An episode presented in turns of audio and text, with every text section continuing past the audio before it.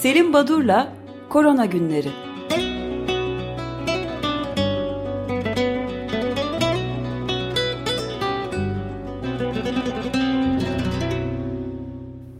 Günaydın Selim Badur, merhabalar. Günaydın efendim, günaydın Özdeş. Günaydın. Günaydın. Ee, bugün Kusura da bakmayın biraz geciktik. Son dakika haberleri bolcaydı bu bu gece. Ee, evet, hmm. e, hayırlı haberler hepsi e, dinledim. Bu bugün bir seneyi devriye e, biliyorsunuz. 11 Mart 2020 Türkiye'de ilk Covid-19 olgusunun e, saptandığı, ilan edildiği, açıklandığı gün. O nedenle bu programın biraz COVID, korona günlerinin e, alışa gelen e, akışından farklı olarak bir yıl boyunca Türkiye'de neler oldu isterseniz onları bir özetleyerek bir hazırlık yaptım. E, tamam. Bundan e, öyle bir program yapalım ama bu arada e, son 3 günde ortalama 391.800 e, olgu listeye eklendi. E, bir de önemli bir yayın çıktı dün e, British Medical Journal'da Robert Shallen ve arkadaşları İngiliz varyantının %64 daha ölümcül olduğunu e, açıklayan bir çalışmaları yayınlandı. Büyük bir oran. Çok önemli. E, bu önemli bir evet, onu belirtimizin. Tabi haberlerde bir de İtalya Sputnik V aşısını üretecek. Bu karar alındı. Anlaşma imzalandı Ruslarla. Eğer kısa süre sonra e, EMA denilen kısaca Avrupa İlaç Ajansı e, Rus aşısı Sputnik V'ye e, onay vermez ise onay vereceği bekleniyor. Çünkü dosyayla başvuruda bulunacaklar. Yakında e, eğer onay vermez ise e, Rusya İtalya'ya şöyle bir garanti vermiş. Ben e, bütün üretilen aşıları satın alacağım ve e, Afrika'ya dağıtacağım diye e, 1 Temmuz'dan yıl sonuna kadar 10 milyon doz aşı üretimi söz konusuymuş. Bir de e, Almanya'da muhafazakar grubun iki üyesi e, maske satıcılarıyla hükümet arasındaki anlaşmalarda arabuluculuk, arabuluculuk yapıp yüz binlerce euro komisyon almaları e, nedeniyle e. Böyle bir durum ortaya çıktı. E, diğer haberleri bir kenara bırakıp istersen şu Türkiye'de e, bir yılda neler yaşadık. E, bakalım çünkü e, ilginç açıklamalar oluyor. Sembolik bir e, örnek vermek istiyorum. Dün akşam Sağlık Bakanı tarafından şöyle bir e, haber, bir Twitter bilgisi. İnanç, azim ve kararlılık olduğu sürece kırmızı maviye en yakın renktir. Gayet açık ve net bir e, pandemiyle e, mücadele mesajı herhalde. Kırmızı maviye en yakın renktir yani. İşte tabloda kırmızı renkli e, iller maviye dönüşecektir ama bu e, metafor hoş bir metafor diye ne bileyim öyle düşünenler vardır. Evet, kırmızıyla mavinin birleşmesi de mor yapar değil mi? O da feminist evet. oluyor. Evet. evet tabii ama o zaman tutukluyorlar. Peki şimdi 10 Ocak günü bu ilk bilgiler geldiğinde geçen yıl Çin'den 10 Ocak tarihinde gerçekten de dünyada bilim kurulu ilk ya da böyle danışmanlık kurullarından e, e, ilk e, olanı Türkiye kurdu. Ama e, oluşturulan bilim kurulunda uzmanlık dernekleri, meslek ya da hasta örgütleri, sendikalar yoktu. E, ve bugüne dek bir yıl boyunca böyle devam edildi. E, bilim kurulu oluşturuldu ama bu bilim kurulunun yaptırımı, bu bilim kurulunun hangi statüde e, oluştuğu, neye göre e, e, meydana getirildi falan bunların hiçbirisi belli değil. Bir yönetmeliği falan e, soruşturdum. Baktım öyle bir şey yok. Mevcut ee, değil. Evet yani bir, bir şey havada adı bilim kurulu. Şimdi Şubat ayında geçtiğimiz yıl Şubat ayında işte yavaş yavaş dünya alarma geçiyor. Dünya Sağlık Örgütü uyarılarını sürdürürken biz e, turizmin bir yıl öncesine kadar aynı dönemde %3.8 arttığını, 1.73 milyon turist geldiğini açıklayıp e, bunun kutlamalarını, bunun sevincini yaşıyorduk. 11 Mart'ta ilk olgu bildirildi. E, aradan 5 gün geçti. 16 Mart'ta Türk Tabipleri Birliği Merkez Konseyi Başkanı Profesör Sinan Adıyaman'dan büyük bir kentimizde Covid patladı e, açıklaması yapıldı. Büyük kent İstanbul'du. nitekim 8 Nisan 2020 günü Dünya Sağlık Örgütü'nün Avrupa Direktörü bir açıklama yaptı. Şimdi Dünya Sağlık Örgütü'nün açıklamalarında ülke adı genellikle e, zikredilmez, söylenmez. Ama bütün temayüllerin e, aksine virüs yayılmasında geçen hafta ciddi bir artışın yaşandığı Türkiye için endişeliyiz açıklamasını yaptı. Dünya Sağlık Örgütü Avrupa Direktörü çok enderdir böyle ülke adı vermesi. Evet. O güne dek test yapılmıyordu ve hastalar tanı almıyormuş. izole edilmemişlerdi ve bu nedenle salgın yayılmıştı. Ee, daha sonra tüm olguların yurt dışı kaynaklı olduğu söylendi. Elbette bir ülkede yani dışarıdan geliyor salgın.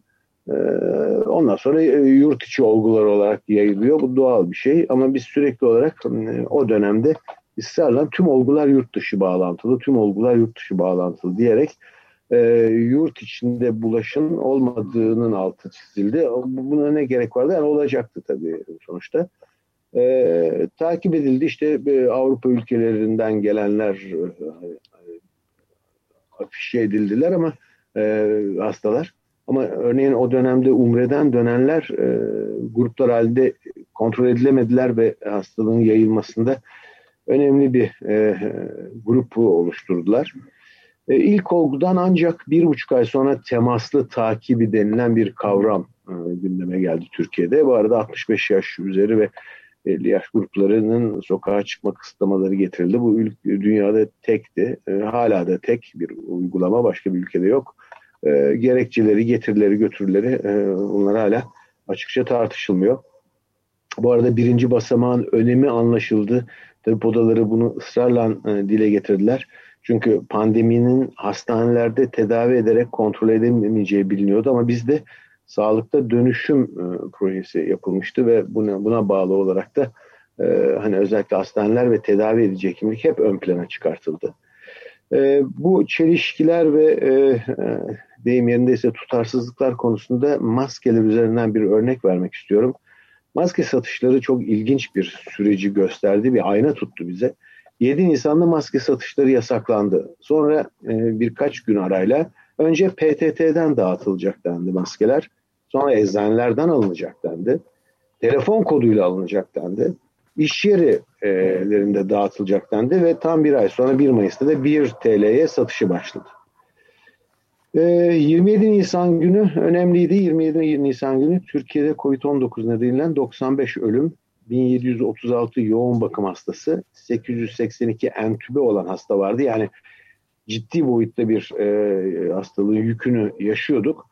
Ama e, Ankara'dan bir açıklama geldi. Hastalığın üzerinden gelerek Ramazan sonu çifte bayram kutlanacak. Kutlanacağı açıklandı.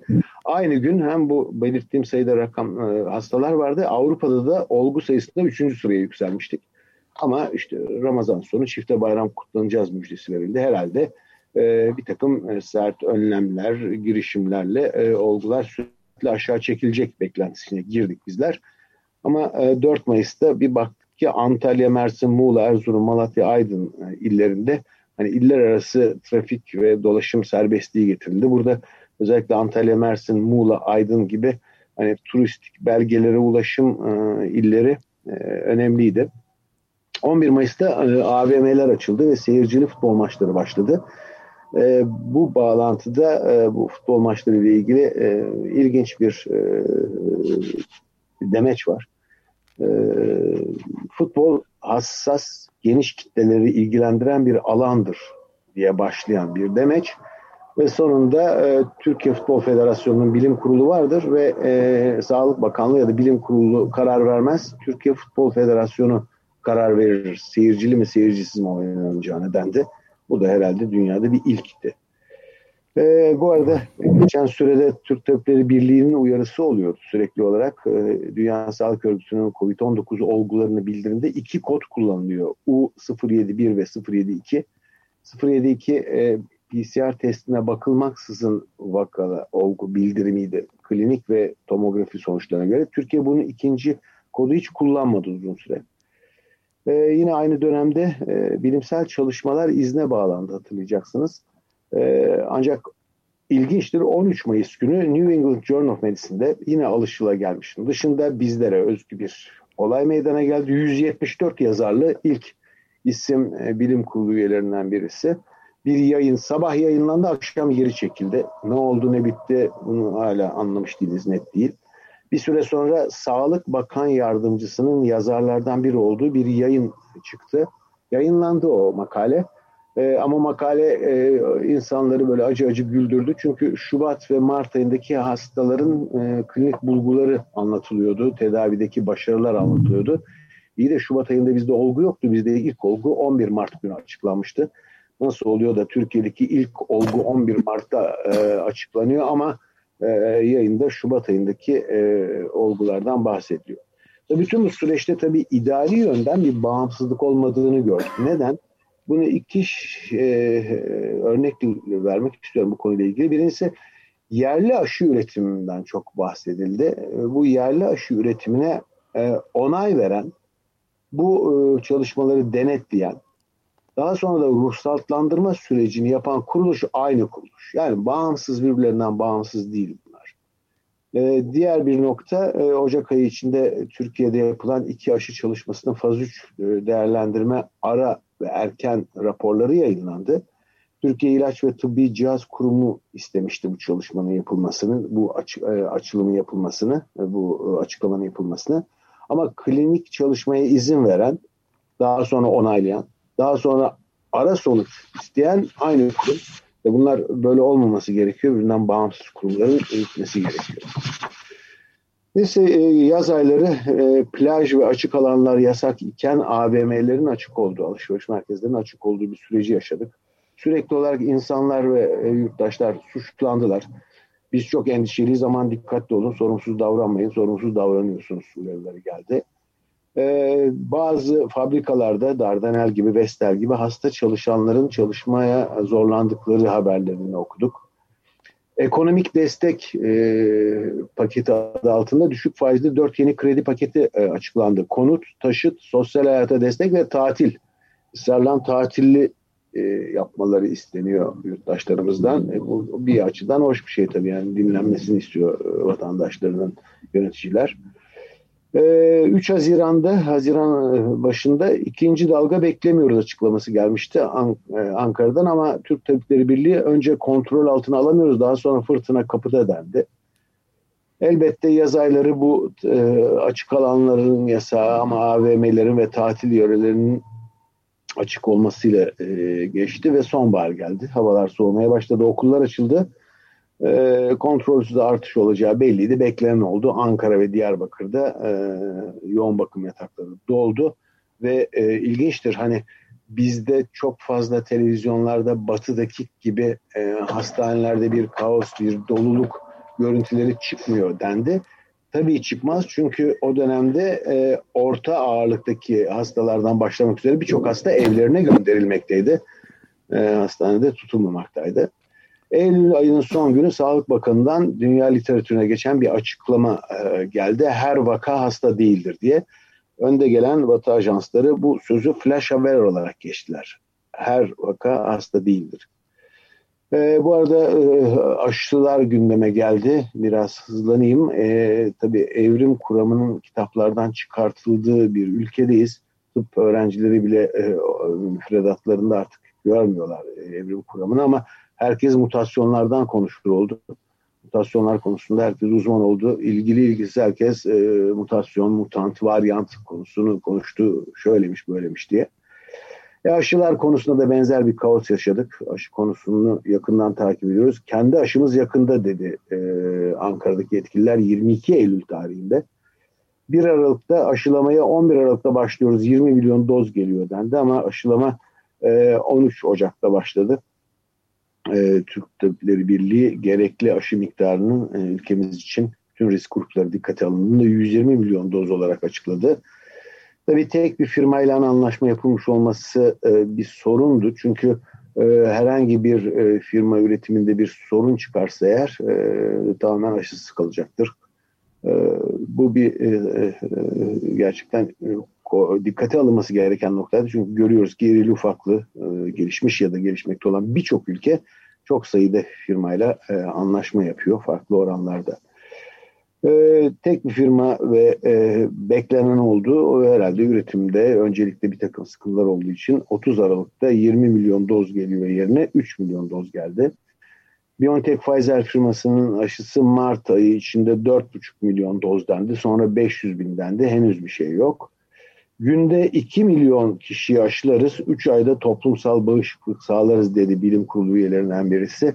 Ama bu böyle olmadı. Ee, ancak e, çok daha az gidiyor aşılama oranları. E, tabii e, e, Güneydoğu Anadolu'da aşılama oranları düşük dendi. E, e, tabii çünkü öncelikle 65 yaş üzeri aşılandığı için e, e, orada da fazla 65 yaş üzeri e, yok yüzde olarak daha genç bir nüfus var. E, şimdi bakıyoruz e, eski yıllarda daha önce programlarımızda da değinmiştim. E, eski günlerde farklı aşı kampanyaları yapılırken özellikle çocukluk çağı aşılarında e, tiyatro sanatçılarınız e, televizyonlarda haydi çocuklar aşı, aşıya kampanyası yaptıklarını, billboardların, e, duyuruların çok sık yapıldığı ve etkili bir kampanya yapıldığını görüyoruz. Neden COVID-19 ile ilgili bir kampanya yapılmıyor televizyonlarda, billboardlarda? E, bunun nedeni e, açık bir parçada e, böyle düşünmek lazım diye düşünüyorum. Çünkü e, elde aşı yok. E, büyük bir kampanya yapıp da milyonlar aşılanma talebinde bulunursa onları karşılayacak aşı miktarına sahip değiliz. E, ve görüyoruz ki işletmeler kapalıydı 1 Mart'ta açıldı ama e, lebale parti toplantıları, kongreler düzenlenmeye devam edildi. E, ve bütün bu süreçte e, iki e, değerlendirme raporunu e, söylemek istiyorum. Bunlardan bir tanesi bu alınan önlemlerin, ülkeler bazında alınan önlemlerin düzeyini ve etkinliğini değerlendirme konusunda bu süreçte pandemi döneminde geliştiren bazı değerlendirme yöntemleri var. Bunlardan bir tanesi Oxford Üniversitesi'nin uygulamaların varlığına göre puanlama yapılıyor. Sonuca bakmadan neler uygulanıyor diye işte kısıtlamalar, kapanma politikaları, gelir desteği, yardımlar, sağlık sistemi politikaları gibi. Türkiye e, Mart sonu Nisan başında e, indeks değerinde 100 üzerinden 75 e, almıştı. Ağustos'ta bu oran 43'e düştü ve düşmeye devam ediyor. Bu arada başka bir değerlendirme de TA, Total Analysis isimli bir grup. Bunlar TA Covid Data Transparency Index'i oluşturdular e, CDTI diye e, web sitelerinden ve Aralık 2020 günü dünyadaki ülkelere e, bu süreci yönetmede şeffaflık e, kriterlerine göre sıralamasını yaptılar. Daha önce de değinmiştim bu konuyu bir programda. E, Türkiye 100 ülke e, arasında 97. sırada şeffaflık konusunda. E, biz Sırbistan, Güney, Kuzey Kore ve Türkmenistan'a geçmişiz ama önümüzde işte 80'li sıralarda Belarus var, Kamerun var, Etopya var, Özbekistan var. Bütün bunlar e, tabii Türkiye'de o bitenler için e, ilginç. E, peki geldiğimiz noktada ne var? Geldiğimiz noktada e, dün itibariyle Ankara'da ki Ankara'da işleri iyi gidiyor e, deniyordu. Ankara'da 100 binde olgu 39.9'dan 54.8'e çıkmış korkutucu günlerin gelebileceğini hissediyoruz. Unutmayalım 1 Mart'taki açılım ya da önlemlerin hafifletilmesinin sonuçları değil bunlar.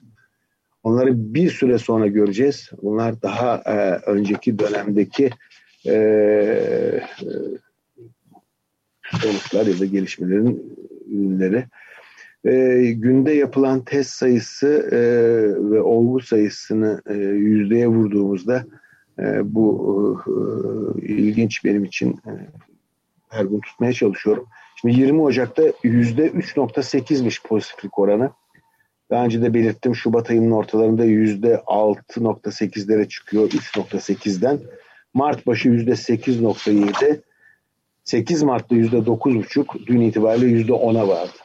Yani e, bir ay içinde e, evet 20 Ocak'tan işte 10 Mart'a kadar demek ki e, bir ay 10 gün falan içinde e, ya da bir buçuk ay içinde yüzde 3.8'lik pozitiflik yüzde 10'a çıkmış vaziyette. Bu neredeyse 3 misli bir artışın göstergesi. Tabii dünyada da e, hani ne olup ne bitiyor, nasıl değerlendiriliyor, e, e, ne tür önlemler alıyor gerçekten çok çelişkili, e, tutarsız, birbirleriyle uyum göstermeyen, çok çelişen önlemler var. IMF'in Haziran 2020'de yaptığı projeksiyona göre küresel ekonominin kümülatif kaybı 2020-21 için 12 trilyon dolar olarak açıklandı. Karşılık tüm dünyaya yetecek COVID-19 aşı araştırmaları, üretimi, dağıtımı maliyeti 70.6 milyar dolar. Yani e, dünyaya herkesin aşılanması için gereken para COVID'in küresel yıkım maliyetinin yüzde 0.59'u. Oxfam International'ın değerlendirmesi. E, bu e, önemli. Ee, biz hala e, aşı gelecek mi geldi mi, e, ikinci dozu yaptık mı yapalım mı, e, yapabilecek miyiz tartışmalarını yaşıyoruz. Bilim Kurulu Ocak ayı içinde Şubat başına Türkiye'ye toplam 30 ile 50 milyon doz aşı gelecek dendi. E, böyle bir şey olmadı.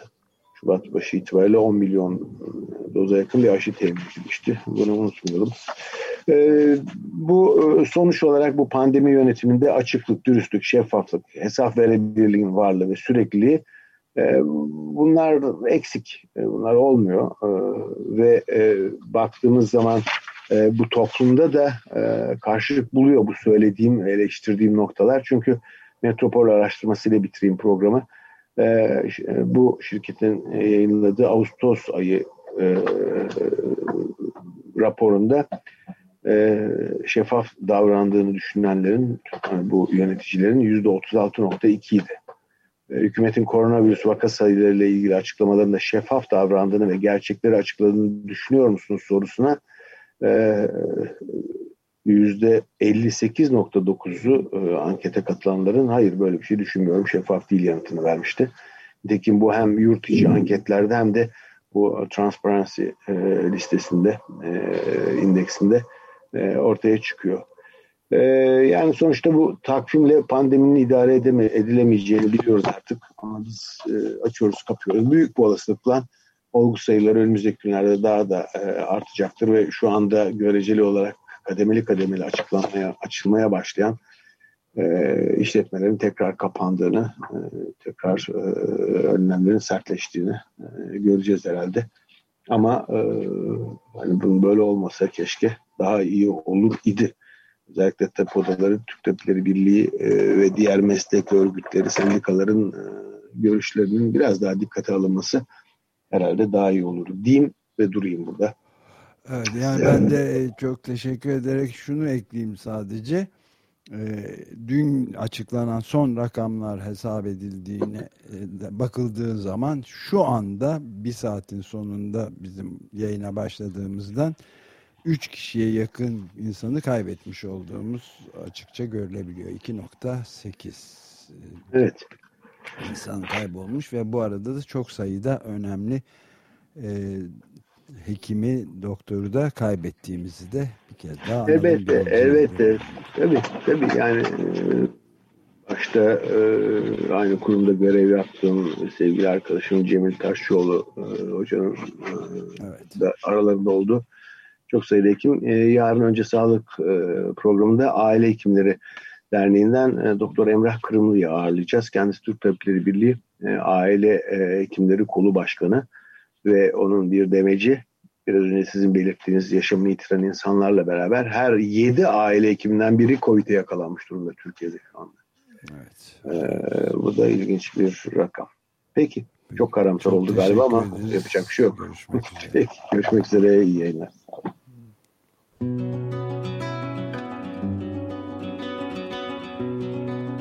Selim Badur'la Korona Günleri